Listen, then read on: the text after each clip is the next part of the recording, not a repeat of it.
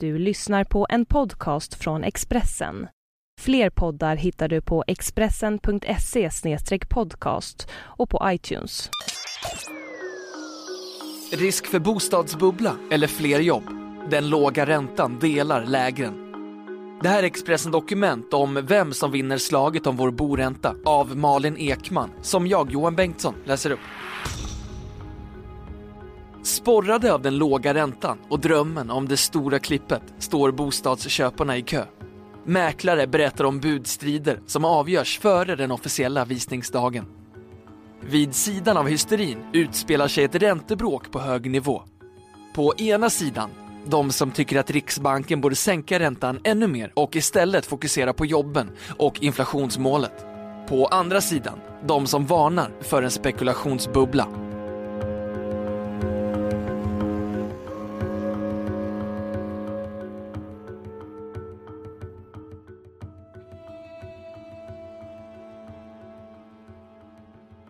Strandvägen i Stockholm, sensommaren 2012. På restaurangen Strandbryggan har många mellanchefer på en fastighetsbyrå samlats för after work. Alla äger de var sin mindre bostadsrätt i Stockholms innerstad. En eventuell bostadsbubbla är inget som bekymrar dem. En av dem fyller på sitt vinglas och säger Det folk inte fattar är att det aldrig kommer att bli någon bubbla. Det finns fler folk som letar bostad än det finns bostäder. Utbud och efterfrågan, liksom. Så länge du köper innanför tullarna är du safe. Hittills har allt gått vägen. Bostadspriserna har fortsatt att stiga. Sen den ljumma sensommarkvällen 2012 har mellanchefernas tro på bostaden som en superaktie med magiska krafter inte kolliderat med verkligheten. På ett år har priserna på bostadsrätter enligt mäklarstatistik ökat med 14 procent. Och köpiven har inte sinat. I söndags rapporterade SVTs Agenda om visningshysteri och rädsla för just det som mellancheferna avfärdade, en annalkande bostadsbubbla.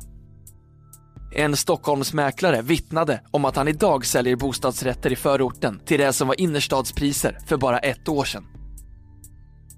I studion fanns vice riksbankschef Cecilia Skingsley som levererade bekymmersam statistik in i tv-kameran.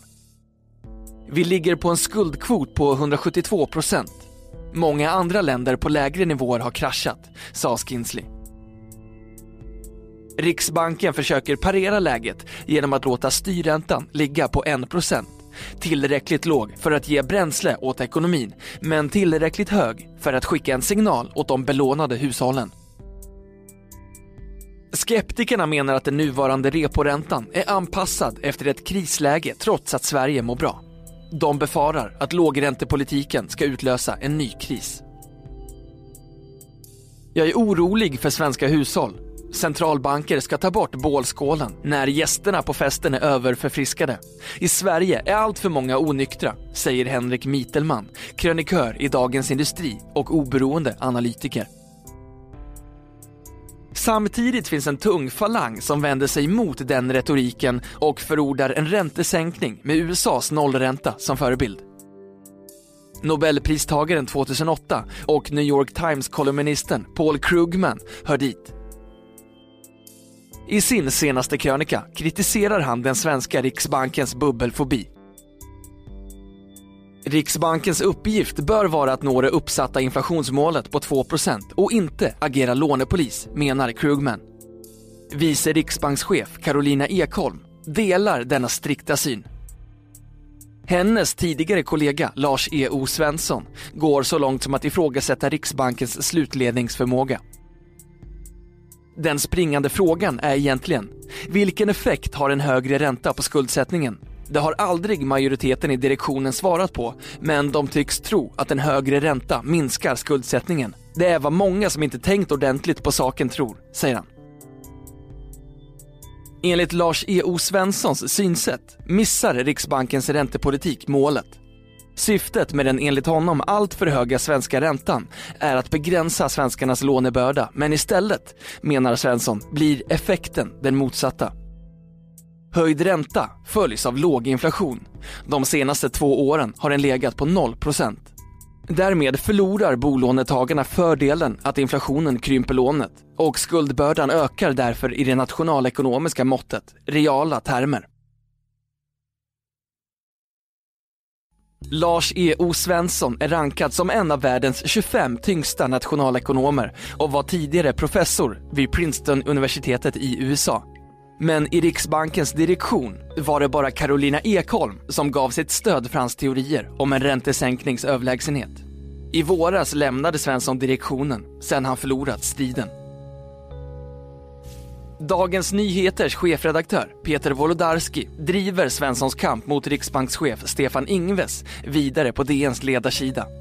Så sent som i söndags hävdade Wolodarski i sin krönika att tiotusentals svenskar går utan jobb på grund av Ingves penningpolitik.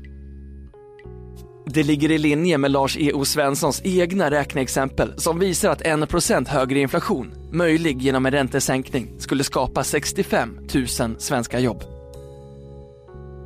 Andreas Karvenka, ekonomijournalist på Svenska Dagbladet, är till skillnad från Peter Wolodarski och Lars E.O. Svensson inte säker på att en nollränta automatiskt skulle ge fler jobb.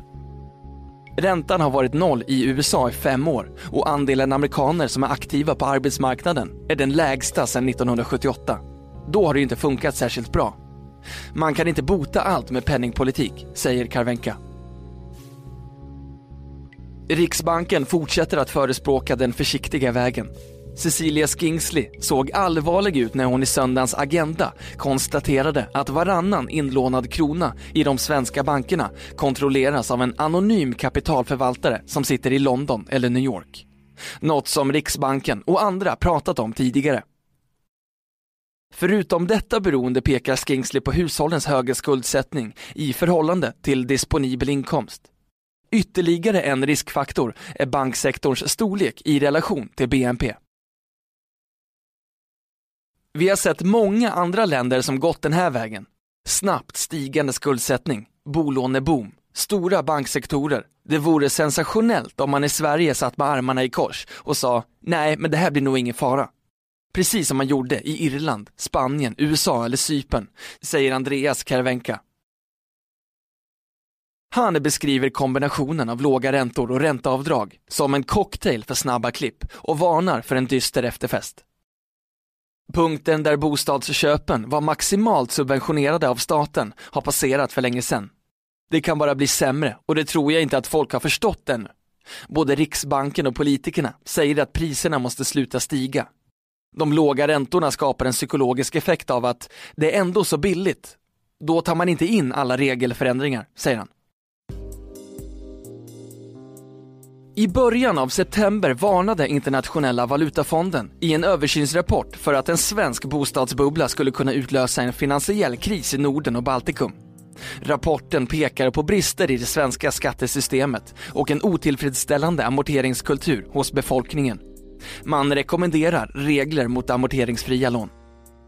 I oktober föreslog så Finansinspektionen att bankerna ska erbjuda sina kunder individuella amorteringsplaner för att förbättra skötsamheten. Förslaget kom exakt tre år efter det att samma myndighet införde bolånetaket på 85% Nu blickar Finansinspektionen mot bankerna och planerar att höja det så kallade riskviktsgolvet på bolån ytterligare den nuvarande nivån på 15% ska höjas till 25% för att stärka bankernas kapitaltäckning.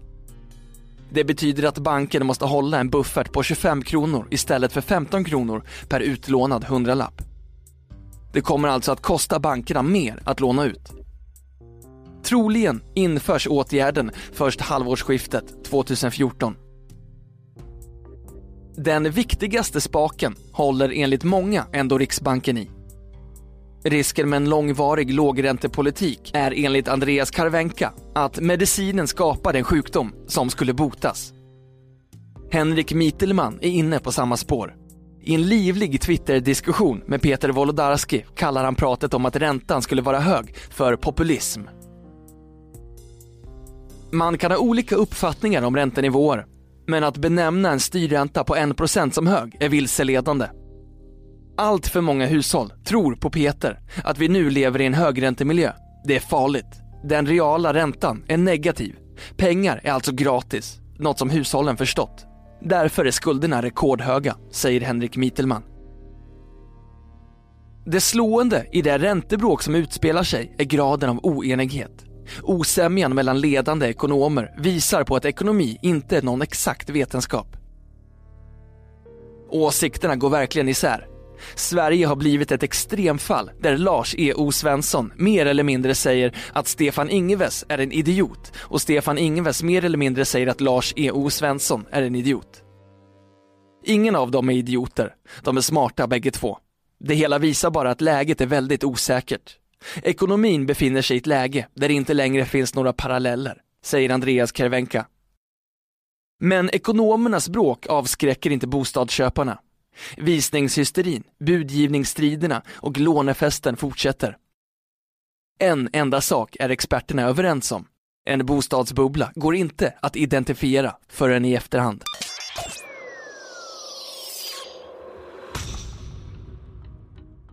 Du har lyssnat på en podcast från Expressen. Ansvarig utgivare är Thomas Mattsson. Fler poddar finns på Expressen.se och på iTunes.